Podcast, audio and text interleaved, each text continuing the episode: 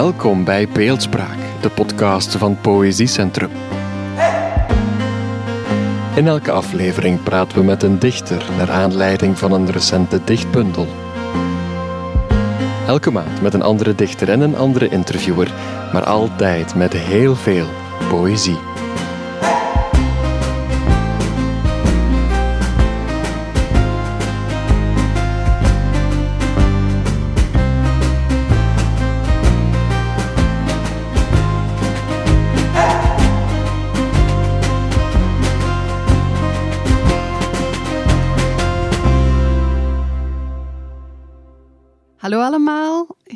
Ik ben Hilde van Kanijt en ik zit hier samen met dichter Kurt de Boot. Um, als ik u mezelf kan voorstellen, ik heb net ook een uh, bundel uit, een interviewbundel, een roze interviewbundel, 4321 vragen aan 123 kunstenaars. En voor mij zit de dichter die ook net een bundel uit heeft, zijn zevende, uh, onder de noemer Waken.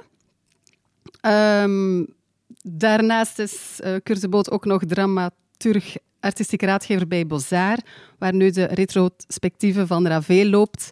En dit wordt uh, ons hoofditem, de heer Ravel. Enfin, Ravel plus poëzie. En waarom zou je eigenlijk poëzie schrijven binnen, bij een schilderij? Van wat kan eigenlijk een dichter wat een schilder niet kan? Of omgekeerd?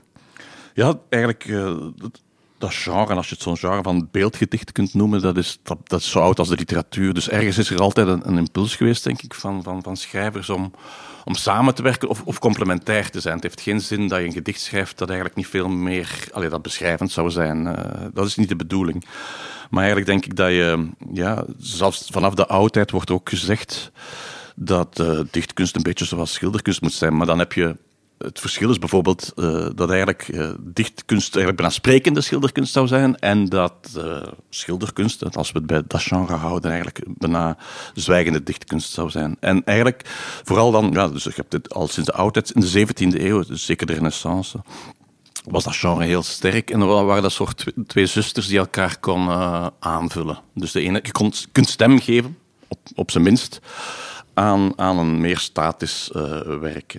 Dan zou je kunnen dus zeggen dat eigenlijk twee broers die bepalend zijn geweest voor Roger Ravel, Hugo Claus en Roland Joris waren. Uh, wat was eigenlijk hun relatie bij Ravel en wat zagen zij eigenlijk als dichter in de schilderkunst van de Ravel? Ja, dat is al straf dat je die twee dichters hebt. Um, dus voor een deel kun je zeggen, ik, er zou iemand een of ander eindwerk moeten doen, maar ik ben bijna zeker dat dus qua de 20e eeuwse schilderkunst in Vlaanderen dus de meeste gedichten bij, uh, bij Ravel zijn ontstaan. En dat je dan die twee grote namen hebt. Eigenlijk, ja, Hugo Claus is een heel straf verhaal eigenlijk. Uh, om eventjes te situeren, ja, Ravel komt, wordt Ravel, laten we zeggen, min of meer eind jaren 40, hè, dat hij zijn eigen stijl vindt. Dus je hebt een oorlog gehad, letterlijk is daar een bombardement in aan Machelen aan de Leie, dat dorp gebeurt. Dat klopt. Je moet, ja, ook in, in de beeldende kunst is er eigenlijk ja, niet alleen een bom gevallen, maar eh, dat, dat lag stil, dat zat ook meer en meer in een soort autoritaire kramp. Dus er moest opnieuw een soort moderne avant-garde ontstaan. En dan heb je dus zowel Klaus die aan het zoeken is uh, en die eigenlijk al in, in 647 over de vloer komt bij, in dat dorp, bij die Ravel. Dus letterlijk Ravel zoekt zich ook, zijn beeldende taal dan. Uh, komt die jonge Hugo Claus via, via een andere schilder uh, letterlijk over de vloer bij, bij, bij, bij de Ravels. En een van zijn eerste gedichten, hij moest nu nog zijn eerste bundel publiceren. In die eerste kleine reeks staat eigenlijk al een, een, een, gedicht dat opgedragen wordt uh, aan Ravel. En het is nog een sonnet, dus helemaal nog niet uh, experimentele. Laat u gaan, zou ik zeggen. Ja, uh, het begint voor R. Ravel staat erin. ik heb de dieren te eten gegeven en de deuren der stallen dicht gedaan. In de schaduw van het eenzame huis weven de blinkende spinnen hun ijle draan. Ja, dus nog echt iemand zoekende dichter. Maar er is ook sprake van een, van een, van een, een waken, bij, bij, bij, een rijk. En dat is dus biografisch letterlijk de, de, de, de moeder van Ravel, die sterft eigenlijk uh, dan. Dus die periode is ook heel ingrijpend geweest. Uh, en, en Klaus, ja, ze zijn dan, het is ook gepubliceerd, zijn elkaar ja, Klaus was eigenlijk nog heel jong en ging van huis weg. Hij was te bekrompen. Ravel was ietsje ouder, is altijd in zijn eigen dorp gebleven. En die kwamen daar eventjes samen. En dan zijn ze zelf gaan ont, uh, ontdekken en elkaar brieven gaan schrijven. Die zijn gepubliceerd. Ja, vooral, heel mooi boek ook. Heel mooi boek, tussen 47 en 62. Heel intens, vooral die beginjaren. En dan voel je echt... Uh, Klaus, die onder andere ja, gedichten zelfs voor Ravel gaat vertalen van die, van die eerste avant-garde. Uh, Apollinaire onder andere en, en de nieuwe Henri Michaud. En ook vraagt, ook zijn eigen gedichten opstuurt. En echt vraagt, kom aan Roger, zeg eens wat je ervan vindt. Ook, ook, ook zijn novelles. Dus je ziet die ontluikende twee mensen uh, zoeken elkaar vinden. Ook, um, ze, ze, bleven eeuwig vriend, evenals uh, Roland Joris, die dan ook uiteindelijk in 66 de term nieuwe visie verbond aan um, Roger Ravel. Kan u daar iets meer over kwijt? Ja, dus in het algemeen vind ik het heel bijzonder dus na de oorlog dat dichters en, en, en, en, schilders elkaar vinden via, via tijdschriften en via, via kunstkritiek ook. En bij, bij Joris denk ik echt, die heeft het licht gezien, die heeft zichzelf... Toen was Ravel al Ravel zoals we die kennen. Hè. Ik weet niet, uh, kort, in de jaren 50 heeft hij zich echt gevonden. Uh, met een veel helderder beeldtaal, uh, heldere kleuren, een manier van kijken naar de werkelijkheid die anders is. En, en dat komt die, uh, Joris heeft dat herkend, denk ik. Uh, ja, dus hij heeft die tentoonstelling gezien en is echt bijna op, op gelijkaardige wijze dan gaan veel gaan dichten. Uh, ja, welke term dat we er nu op plakken of niet, maar dat, het heeft met realisme te maken. In ieder geval, dat is de algemene tendens naar die abstracte schilderkunst en abstracte kunst van de jaren 50. Hè, zeker ook in Vlaanderen, 58, Expo 58, heel die, heel die nieuwe jonge generatie waar Ravel niet helemaal meteen aansluiting bij vond, omdat hij toch altijd vanuit de figuratie is vertrokken. Plots valt dat samen. Begin jaren 60 met, met de pop-art in Amerika die overwaait, maar ook de nieuwe Franse. In, in, de Franse kunst heb je ook die dingen. En eigenlijk is, is, is, is, is Joris een van, de, van die mensen uh, die dat herkent bij, bij Ravel. En dat is letterlijk als criticus is gaan verdedigen, maar ook zijn eigen dichtkunst daar. Um, daar heeft op afgetoetst. Er waren ook uh, dichters die letterlijk in de leefwereld, in dezelfde wereld leefden als Ravel, zoals Paul de Metz en Jo Hissekin. Uh, twee eigenlijk dichters die dezelfde wereld beleefden en die ook een soort Ravels maakten, maar dan allez, puur uh, in de dichtkunst. Ja, dat is dan misschien die, die generatie na, of ja, generatie, in ieder geval, ze zijn beginnen publiceren dan later, terwijl dat eigenlijk, Ravel heeft zo'n invloed gehad. Je kunt dat hebben, hè, dat, dat kunst bijna uw, kijk gaat bepalen. Maar vanuit dat dorp, dus je hebt de, de klassieke Ravel, dus eigenlijk had, had, had zo'n dichter als Paul de Metz het gevoel dat hij in een Ravel fietste. Dus dat ja, dat dorp een Ravel is geworden. En met die betonnen muurtjes, met die mannen op een pet, met een fiets, met een karretje. Dus dat, dat, dat landelijke leven, dat, waar dat, dat moderne leven ergens doorcijpelt. Eigenlijk de ja, het is eigenlijk een voordorp van Gent. Hè. Ik weet niet of ik daar nu mensen mee beledig. In Parijs heb je voorsteden, maar eigenlijk heel Vlaanderen vandaag is verstedelijkt. Hè. Dat is ja, ongelooflijk. Ja. de natuur is geen natuur meer, of je moet dat ergens tussen hebben. En er zal wel een, een snelweg doorkomen binnenkort. En dat voel je dan in die, in die jaren heel sterk.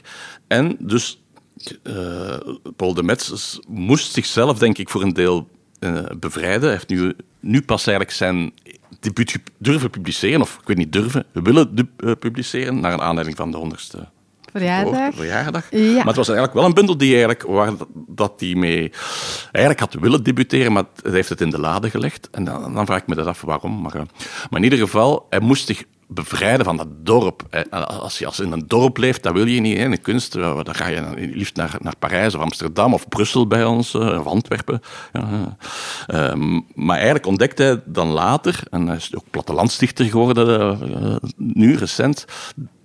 Kijk, er was eigenlijk een ongelooflijke kunstenaar die min of meer de pop-artist was van Vlaanderen. En die woonde hier vlak bij mijn deur. En ik moet dat dus uh, dus ja, ik vind dat ook heel sterk. Uh, hoe kunst eigenlijk uh, de werkelijkheid kan beïnvloeden. En dat is helemaal Ravel. Ravel wilde min of meer een wisselwerking, zijn eigen kunst, zijn eigen kunst laten overvloeien in de werkelijkheid en de werkelijkheid opnemen in zijn kunst.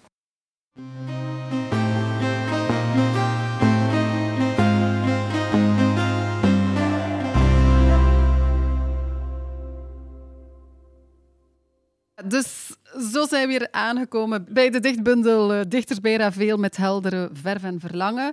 Dit is uh, een bloemlezing samengesteld door Karel de Strijker uh, en ook um, uitgegeven bij het Poëziecentrum te Gent, allen daarheen.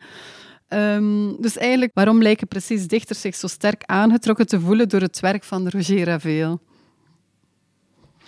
Wat zien eigenlijk ook al die dichters die gevraagd zijn en die, en die in de nieuwe bundel zitten, van wat zien zij in, de, in het werk van Ravel. Ja. ja, dat is al een belangrijk verschil. Eigenlijk is Karel de Strijker een soort, ja, heeft gewoon de vraag gesteld aan een nieuwe generatie, die eigenlijk, of ja, grotendeels mensen die gedeputeerd zijn na de dood van onze meester Ravel. Ja. Dus um, het is geen eigen initiatief. Ze kwamen ook niet bij hem thuis over de vloer bij Zulma en hem. Keken ook niet samen naar buiten naar over dat betonnen muurtje. Dus die hadden minder last van die Raveliaanse wereld. Ze konden alleen ja of nee zeggen, zoals bij elke opdracht wil je zo'n gedicht schrijven. En de meesten, denk ik, hebben ja gezegd. Ik denk dat Karel vooral een heel divers beeld wilde van, van nieuwe dichters. Stemmen ook met heel veel ja, qua leeftijd ook veel vrouwen, uh, mensen die ook met spoken word bezig zijn. Dus ik, dat is wel heel interessant. Dat je ook vanuit mensen die vanuit een hele andere achtergrond uh, vraagt om naar die Ravel te gaan. Dus, dus wel een beetje vals spelen. Ik bedoel, je hebt het iets gestimuleerd, is iets anders dan uh, anderen. Maar dan denk ik inderdaad, ik heb zitten, ja, voor een deel zitten tellen ook en zo. Voor een deel zien ze min of meer wel hetzelfde. De basis is het zien, dus kijken. Dus uh, ik heb zitten tellen. Eigenlijk moest er zo'n artificial intelligence systeem zijn, denk ik, die al die woordvelden in elkaar brengt. Maar, maar kijken, zien, waarnemen, die woorden zelf vallen bijna in één, één vierde van die gedichten. Uh, dus dat is eigenlijk het, het, het, het, het ding, denk ik, waar, waar dichters heel veel aan mee kunnen doen. Kijken, eigenlijk zie je een schilder zien. Zie je in een beeld het kijken, zie je het waarnemen. Um, en dat is denk ik zeker een van de, van de eerste um, uitgangspunten. Want op zich had Ravel ook een eigen poëtische gevoeligheid. Hè, om even rewind te gaan van... Um, ik schreef eigenlijk ook al, zonder te veel pretentie, ook al uh, teksten die in relatie stonden met zijn schilderijen en tekeningen. En die waren in 2006 zijn die gebundeld in... Er is alles in het leven. Um, hij zelf integreerde ook tekst in zijn grafisch werk, ook zijn titels. Uh, zijn soms al deels gedichten van heel sikke titels tot poëtische titels. Dus ja, ik denk ook inderdaad dat, dat, dat die gevoeligheid had uh, voor, voor, poëzie. Ja, Klaus is een dubbeltalent. Uh, en uiteindelijk zie je het vooral terug. Hij heeft ook tekst laten gebruiken door, door, door anderen bij het grafisch werk. Maar hij heeft ook zelf teksten geschreven en dat voel je vooral in die titels. Er is een, bijvoorbeeld uh, Vader plant een boompje in de witte ruimte van de aarde. Ja, ja. Uh, zo heet een werk. Dat is ja, een maar titel. dat schitterend. Maar op zich al poëzie. En dan is er een clevere uh, Carmien Michiels, dichteres, die dat gewoon overneemt. In haar, in, in, dat wordt een strofe. Dan plant mijn vader een boompje in de witte ruimte van de aarde. Dus zij bevestigen een beetje die poëtische gevoeligheid. En dat klopt, dan is die bundel daar ook geweest, of die bundeling op zijn minst. Ik denk dat, dat, dat uh, Ravel, ja, hij zegt altijd, ik, ik, had tekstjes en ik liet die wat slingeren door mijn atelier. En dan is iemand die dat een beetje gaan bundelen. En dat heet, er, alles, er is alles in het leven. Misschien moeten we dat eventjes uh, lezen, omdat hij daar ja, ook graag. het verschil tussen een dichter en een schilder opvoert. Er is alles in het leven, zei de dichter. In het niets is er niets, zei de schilder. En hij schilderde de leegte in een vierkant. Dus uh, eigenlijk is een verwijzing ook naar Lutjebert. Er is alles in het uh, leven, is min of meer een, een citaat van, um, van Lutjebert. Uh, een van die experimentele. Dus eigenlijk zouden dan dichters geneigd zijn, ofwel bedoelt hij gewoon de dichter, Lusjebert heeft dat gezegd, ofwel zouden alle dichters zo'n beetje geneigd zijn om, om, om die leegte die dan toch er van alles in te gaan zien. Ja, een dichter ziet in alles iets. Hè. Je kunt, je kunt geen, geen glas tonen of, of die beginnen daarover poëzie te schrijven. Terwijl dat juist de schilder, Ravel zegt, nee, er is niks. Dus als ik een leegte laat, wil ik die leegte schilderen. En dat is eigenlijk ook zijn nieuwe visie geweest. Hè. Hebt u opgemerkt dat... Uh, want Ravel was stilistisch heel vernieuwend. Tegelijkertijd was hij eigenlijk een klassiek schilder. Uh, hij beoefende ook die bekende schilderkundige genres. Het zelfportret, het portret. Denk aan Zulma, zijn vader. Interieurs, landschappen. Um, zijn er veel uh, dichters in het boek Dichters bij Ravel die ehm, het zelfportret of het interieur of de landschappen expliciet hebben in de verf gezet? Ja, ja, ja. Als ik nu eventjes naar mijn eigen die bloemlezing die ik gemaakt had, ik heb die ook thematisch uh, samengesteld. En eigenlijk dus kun je zeggen, Ravel is bloemlezing, uh, zie. zie. Zie, kunst in Vlaanderen. Dat, dat was eigenlijk toen, 2006, verschenen van de laatste 25 jaar. En ik heb een beetje als ode de twee pioniers uh, naar voren geschoven daarbuiten. En dat was voor mij Klaus en juist Joris, die al heel vroeg schreven. Maar eigenlijk kun je ook zien, juist omdat hij ook zo'n klassiek dicht, schilder is, Ravel dat hij ook heel um, fundamentele vragen stelt over zijn eigen medium. Dus een van de metaforen was bijvoorbeeld een schilderij als venster op de wereld. Hè. De, de een trompe dat, je, dat had je zeker ook in de, in de 17e eeuw al. En dus ja, dan zie je ook ergens dat hij een, een, een, werk maakt met een venster, letterlijk, dat je kunt openen. En dat kijkt dan niet op de wereld, maar op een schilderij. Dus daar speelt hij volledig met die metafoor. Zijn hele leven lang bijna. Ja, daar is ook een, daar is ook een gedicht bij geschreven. En, en, en dan krijg je die dubbelzinnigheid in die nieuwe in die bloemlezing. Zo heb ik die, die zie opgebouwd via... Uh, inderdaad, interieur, venster, spiegel, zelfportret enzovoort. Tot ook die die wisselwerking abstract en figuratief. En zelfs die begint een gedicht uit Genesis, een van die prachtige uh, samenwerkingen tussen Hugo Claus en, uh, en Ravel, uh, eind jaren 60. Waar het letterlijk gaat over schepping ook. Hè. Dus, en, en eigenlijk heeft, vind ik, gaat het, heeft heel dat uiveren van Ravel gaat over het kijken naar een schepping. Je hebt drie lagen, en zeker als je gedicht bekijkt, wil ik nog eens even zeggen, en dat maakt het heel moeilijk. Je hebt de schepping als we het nu heel bijbels hebben, waar wij, jij en ik, ook rondlopen, al of niet, niet meer in een paradijselijke omgeving, maar in... in niet altijd, nee, helaas. Machelen aan de lei of all places. Um, um, dat heb je. Maar je hebt natuurlijk nu de... Dan heb je die, die schilder die daar heel bewust mee omgaat. Wat dan een kunstwerk is dat wel wilt overvloeien, maar op het laatste altijd zegt, nee, nee, ik ben gewoon... Allee, ja, het is een trompe Als ik een deur schilder in Beervelde, dat, dat, Joris heeft dat zelfs in van Beervelde, ja. Dan, dan heb je als je denkt dat dat open is, kun je daar tegenlopen, maar tegelijkertijd zijn er ook echte, uh, in dat kasteel echte deuren die je wel zou kunnen openen. Dus heel die dubbelzinnigheid. Maar binnen een kunstwerk moet je die deur niet te gaan openen. En dat is belachelijk. Nee, het is een suggestie, een idee van een, van een, van een deur. Maar het is um, ook in... Um, wanneer is een gedicht een beeldgedicht? Want dat is niet altijd even duidelijk. Hè? Want die vraag stelt zich ook bij met heldere verf en verlangen. Um, het historisch hebt u al verduidelijkt in het begin van ons gesprek. Uh, maar natuurlijk, de vraag die bij elk gedicht kunt stellen is van hoe nabij is dat bij? Hè? Van, wat is dat kader van het gedicht? Um, valt dat kader van het gedicht min of meer samen met dat van het kunstwerk? Vindt u dat die beeldgedichten ook op eigen benen moeten kunnen staan? Zouden, stel dat we het beeld weghalen uit de dichtbundel met heldere verf en verlangen, denkt u dat gedichten zouden blijven staan? Het is een mooie, het is een mooie bloemlezing, hè? omdat eigenlijk die, dichters zelf bijna curatoren worden. Eh, dus, en dus de, de opbouw van die bloemlezing is via de kunst zelf. Dus je krijgt, de dichters hebben een, een werk gekozen, maar het is de chronologie van het werk uh, dat de opbouw bepaalt. Dus je, krijgt een prachtige doorsnede vanaf de jaren 50 tot ook laten werken. Meer laten werken dan bij Bozar te zien. En dat is één ding. Dat inderdaad, die bundel heet Dichters bij Ravel. En op zich denk ik, als je zegt wat is een beeldgedicht, is een, een kunst, een, een, een, gedicht bij een kunstwerk of bij een heel uiver. Uh, dat is de, de minimale dingen. En dan denk ik dat de, de dat is mijn persoonlijke voorkeur, dat je tegelijkertijd dicht genoeg bij dat kunstwerk hebt moeten staan en tegelijkertijd daar afstand, van nemen. van nemen.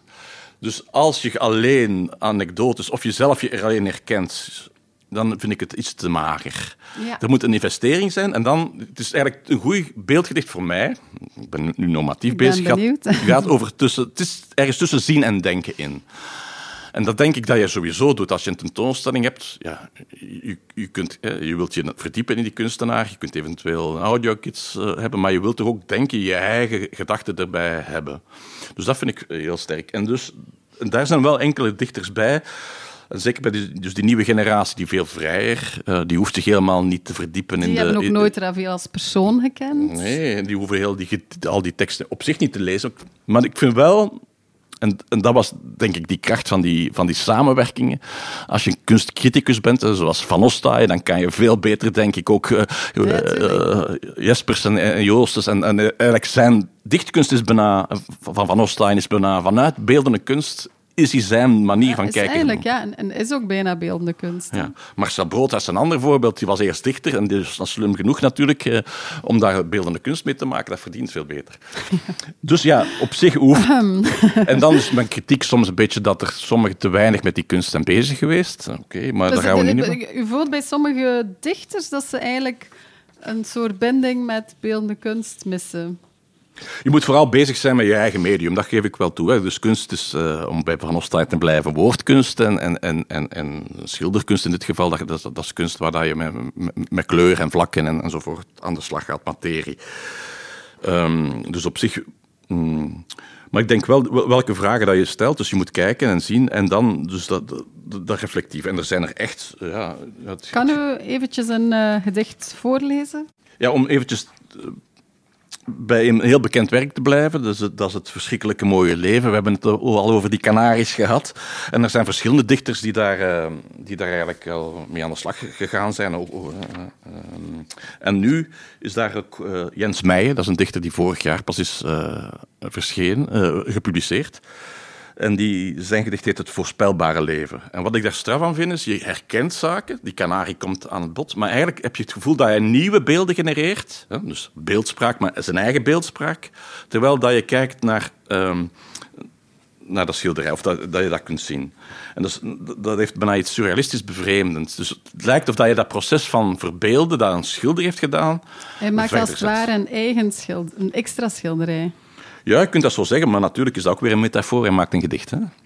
Maar je ziet dan, dus dat is het bekende, ik moet het misschien hebben, dat is een groot drieluik. Dat is echt heel belangrijk geweest. Een van die twee grote drieluiken begin jaren 60, waar dat er met furoren is. Je ziet een, een, een, deur waar een spiegel aan hangt. Je ziet in het midden uh, een kanariekooi waar twee levende vogels in zitten, die geschilderde kat enzovoort. Maar eigenlijk begint, hij kijkt, die dichter lijkt te kijken naar die deur, maar dat wordt plots een badkamerdeur, dat is al een interpretatie. Uh, dan komt hij ergens af met een, met een, met een tijdlijn die eraan hangt. Ja, niet meer een waslijn. Die waslijn zag ik ook niet, maar het zit wel helemaal in die graveel. En plots zit je zelfs vanuit die badkamer zit je in een soort ja, in een schip. En daar zit dan op die boeg van dit schip, een, en dat zal ik dan, dan misschien lezen. De boot heeft een kanarie op haar boeg gezet. Als noodsignaal. Zodra ze zingt, gaat de deur onzichtbaar open. Zodra ze zingt, gaat de deur onzichtbaar dicht. Dus eigenlijk, ja, het gaat heel sterk over zichtbaarheid maken en onzichtbaar, maar, maar natuurlijk, die deur gaat in onze verbeelding al of niet open. En die kanarie wordt een soort kanarie in de mijn. een kanarie als een soort voorteken van iets dat misloopt. En dan eindigt het eigenlijk ook, denk ik, redelijk ecologisch. met, of ja, in ieder geval met de vraag, waarom moeten we nog kijken? Uh, of, of, wat is dat kijken nog van belang? Ik denk alleen in ieder geval die, dat gevoel, en dat vind ik wel sterk. Dat ecologisch gevoel van de nieuwe generatie. Van, ja, waar Ravel ook mee bezig was. Hè? Heel die genesis waar dat Klaus en, en, en, en, en Ravel samen hebben aan gewerkt, een soort herschepping van dat scheppingsverhaal, kan nou, de knoppen zijn. Hè. We zijn in ons milieu aan het... Dus heel dat mooie... Het is niet alleen de verstedelijking, maar inderdaad uh, het klimaat. Het staat vandaag nog in Gelzet gelukkig terug na corona. Is er niet beter op geworden. De top... En ik hoop, we zitten met een andere president. Dus die gevoeligheid heb ik ook bij enkele dichters uh, teruggevonden. Dus en, heb je het gevoel dat ehm, dichters eerst even naar het verleden zijn teruggekeerd? Naar de leefwereld van Ravel en dat het dan in een hedendaags bad hebben gestoken? Of heb je het gevoel dat de meeste dichters vertrokken van, van het nu in feite? Van niet echt rekening houden met um, de tijd waarin het uh, werk is gemaakt? Ik denk dat ze dat erkend hebben. Voor een deel denk ik dat veel. Waarom? Het valt heel hard op. Het heeft heel veel succes, die retrospectief. Het was Sign of the Times blijkbaar. Ja, heeft dat met corona te maken, dat we allemaal vastzitten, dat we allemaal lokaal zijn gaan wandelen? Ik weet het niet. Maar tegelijkertijd dat ecologische ook, denk ik. Dus er is een herkenning. Uh, en, en Ravel was op zijn kunstige manier bezig met, met, met ecologie. Een beetje toevallig met die leien, onder andere in de jaren zeventig. heeft daar een actie ook gevoerd. Ja, uh, Ravel aan de leien, daar zijn ook gedichten bij. De, daar heeft Joris zelfs actief een, gedicht bij geschreven. Um, maar ik denk wel dat die bewustzijn van de jaren zeventig en die actievoering... Hè, Ravel heeft dan actie gevoerd om, om, om een, een, arm van die leien niet te dempen. Dat was goed voor de... Dat ging een verkaveling komen. De boeren waren blij, die hadden meer... ja. Maar nu is het eigenlijk wel goed dat dat dorp een dorp is gebleven voor het toerisme. Niet alleen, niet alleen voor het toerisme natuurlijk, maar vooral voor de mensen. Maar tegelijkertijd is, is het eigenlijk inderdaad een, een verstedelijk dorp, wat niet erg is. Allee, ik bedoel, we leven nu maar in, in het centrum van Europa. We zitten... Maar je voelt het als... Um, heb je het gevoel dat de dichter zo gekropen zijn in zijn leven en schilderijen? Als u de bundel die u echt met de loep onder handen hebt genomen, had u het gevoel van dat ze gewerkt hebben rond één beeld of, of meer eigenlijk rond het uiveren in het algemeen, dat ze er letterlijk al zijn boeken op uh, nageslaan hebben? Dat is heel verschillend, maar dat ze hebben alle, alle, alle dingen die ik eigenlijk ook gedacht heb. Wat kan je doen als dichter? Wat kan je doen? Je kan je vereenzelvigen met de schilder, je kunt die aanspreken, dat gebeurt. Je kunt je meer als kijker opstellen, dat gebeurt. Je kunt je vanuit een personage uh, Zulma worden of, of, ja, of, uh, identificeren, dat gebeurt. Ook, uh, Al die zaken, je kunt ook zelfs de vorm gebruiken, het vierkant. Er zijn dichters die vierkante gedichten hebben geschreven, letterlijk in een vierkant. Dus, dus ze zijn afhankelijk van, ze hebben wel ergens een aanknopingspunt gevonden. Maar ze hebben de ziel de ziel gevangen. Iemand die de gedichten leest zonder... Dan als gedicht en niet als beeldgedicht. Um, kunnen die, denk je, zo de verbeelding naar het schilderij maken? Soms helemaal niet. Nee, nee, nee. En dat hoeft ook niet. Dus, ja. Ik denk dat er... Allee, dus er staan het is heel echt goed... een duo. De meeste zijn echt een duo. Kunnen niet losstaan van elkaar bijna. Je kunt... Nee, nee. Dus ergens is een, dat vind ik echt een, een verkeerd uitgangspunt. En, er is een soort verkramptheid van. Een gedicht moet altijd als gedicht gelezen kunnen worden. Of dat je een beeldgedicht schrijft, of een liefdesgedicht, of een abstract gedicht, of een. Allee, ja, eh, dat doet er niet toe. Dus waarom zou een beeldgedicht nu zich moeten verdedigen tegen dat schilderij of die kunst? Dus als, als, het, geen, als, als het niet op zich kan gelezen worden zonder de illustratie, is het gewoon niet moet je het eigenlijk niet publiceren, vind ik. En maar tegelijkertijd voel dus ik ook... Het is echt een duo. Een nee, het is een meerwaarde natuurlijk, maar nee, je, moet, je hebt een nieuw kunstwerk gemaakt, dat is een woordkunst. Uh, uh, uh, maar er is wel het, idee, ook, ook zelfs in, in de, wat Paul de Metz in zijn nawoord zegt, van, hij wil zich verdedigen. Ik heb, geen, ik heb mij ingeleefd, hè, dus Paul de Metz heeft een hele bundel geschreven, verschillende cycli, alleen met aanknopingspunten. Is de titel trouwens van zijn uh, laatste Het web bundel? van omtrek, ook bij Poëziecentrum verschenen. Uh, daar staan dus eigenlijk geen uh, illustraties bij, maar er staan wel altijd verwijzingen naar het verzameld werk. Dus de drie kloefers, zowel het schilderij, grafisch werk en zo. Ja, ja, een heel tof. Dus je kunt het opzoeken en, en je, hebt, je hebt ook bijvoorbeeld, hij heeft ook een gedicht geschreven bij het verschrikkelijk mooie leven, dat kanariewerk enzovoort. Dus, um, maar wat, dan kun je tegelijkertijd. Zijn er elementen die je herkent uit, uit, uit, uit die werken, ook bij, bij de Mets. Maar je kan er dingen aan toevoegen. Allee, je bent, jij bent meester, jij bent, de, je bent de filmmaker. Je vertrekt, ja, stel dat je een boek wilt verfilmen. Elke filmmaker zal een andere, met hetzelfde uh, boek een andere film maken. Ja, je kunt monteren, klopt. je kunt zelfs dingen erbij verzinnen. Er wordt zelfs een Nederlandse, het verhaal kan helemaal veranderen. Dus het kan zijn dat je die kanarie ziet, maar die kanarie kan in, plots op een boot zitten in plaats van in, in dat kootje. En, en dan wordt het spannend, dan wordt het uh, uh, krachtig. Als u twee um, gedichten uit de bundel zou mogen kiezen, waar gaat uw voorkeur naar uit? Dus buiten dat van uh, dat, al, dat kanariegedicht uh, vind ik heel interessant wat I, Iduna Paalman heeft gedaan, ook een, iemand die nu furoren maakt. Uh, en haar gedicht heet Werken aan, zicht, aan zichtbaarheid. Het is bij een, een wat later werk van 68, een van die environments waar dat je een, een mensenpaar ziet, dus, uitgesneden in metaal. Uh, en zij maakt daar, uh, dus eentje zit zo, is een, een leegte. Het is vergelijkbaar met het werk van, van Hugo Claus in, uh, Ravel van Hugo Claus in, in Watou. Er is zo'n Ja. uitsnede van, misschien dat de mensen dat kennen. Zo heb je een vrouwenfiguur in plaats. Ja. En daarnaast staat er dan in, in het vol een man en ze geven elkaar de hand. Ja, dat waren effectief mensen die, die, die kenden, ik denk uit het kunstmilieu. Maar zij maakt daar een soort van rijke uh, paardenbezitters van, ponybezitters. Uh, tegenwoordig wordt heel het weiland opgekocht, niet om te gaan boeren, al die, al die vierkantshoeves, maar om daar hun paard op te zetten.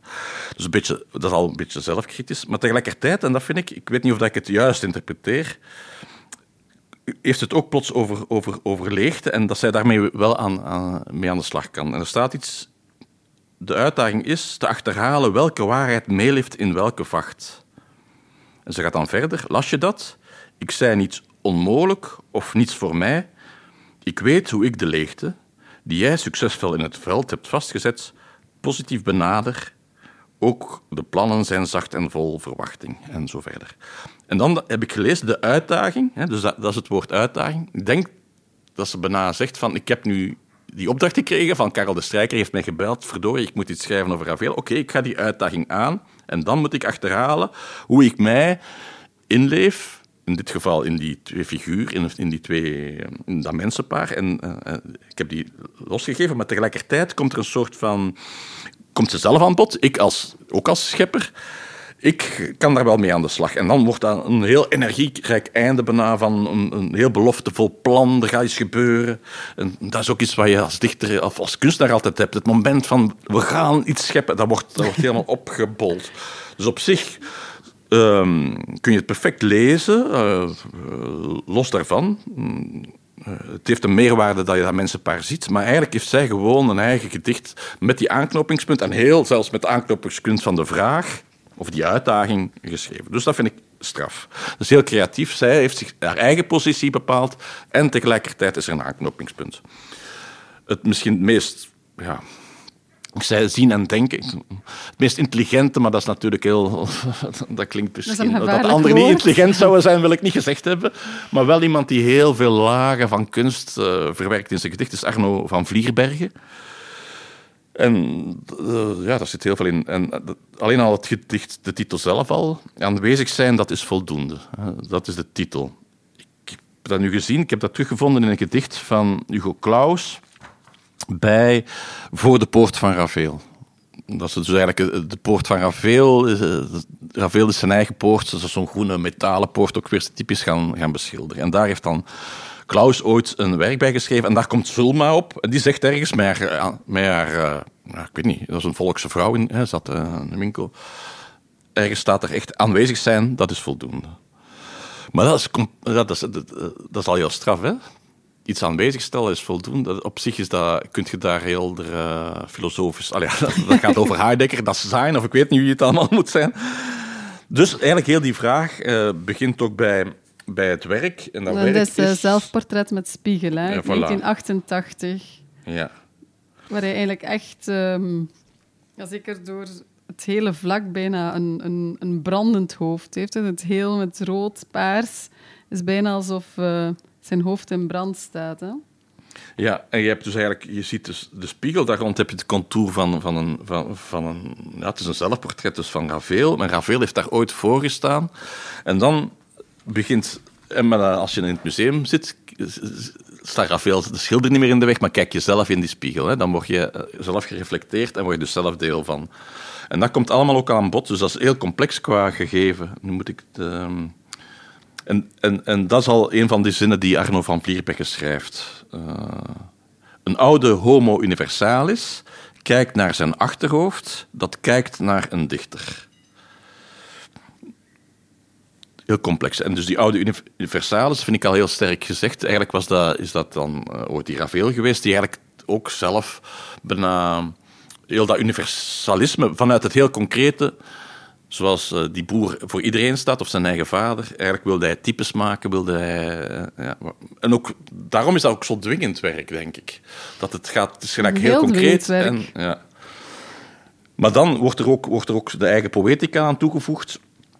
Uh, hij wil uh, eh, in dat gedicht dus, lieve mooie poëzie, we doen het vuil en discursief of helemaal niet. Dat is eigenlijk, denk ik, de visie van, van, van, van, van Vlierbergen. Voor een deel, dat is ook het gevaar, hè, als je de, het poëtische, uh, en, en, dan bij nog een, nog een schilder die poëtisch wordt genoemd, dat je zo, zo, zo, zo, zo wakke poëzie schrijft. Ja, want het is soms toch een... Um En hier krijg je ook die, die, edgy, die edgy kant bij enzovoort. En dan gaat het ook nog over de, de kunstmarkten in het museum. Als, natuurlijk, hè, van, eh, ook de, ja, de, de heeft belang bij dat er Ravel getoond wordt. En, en, en, en rond Ravel hangt ook zo'n beetje die commercie, zeker in de jaren 80, 90 en zo verder. Hè. Dus dat zit er ook Ik allemaal in. mij daar niet over uit. En eigenlijk ook nog over, uh, ja, hij, hij, integreert ook nog Hugo Claus erin. Dus ik vind het echt fantastisch, al die lijnen die dan samenkomen.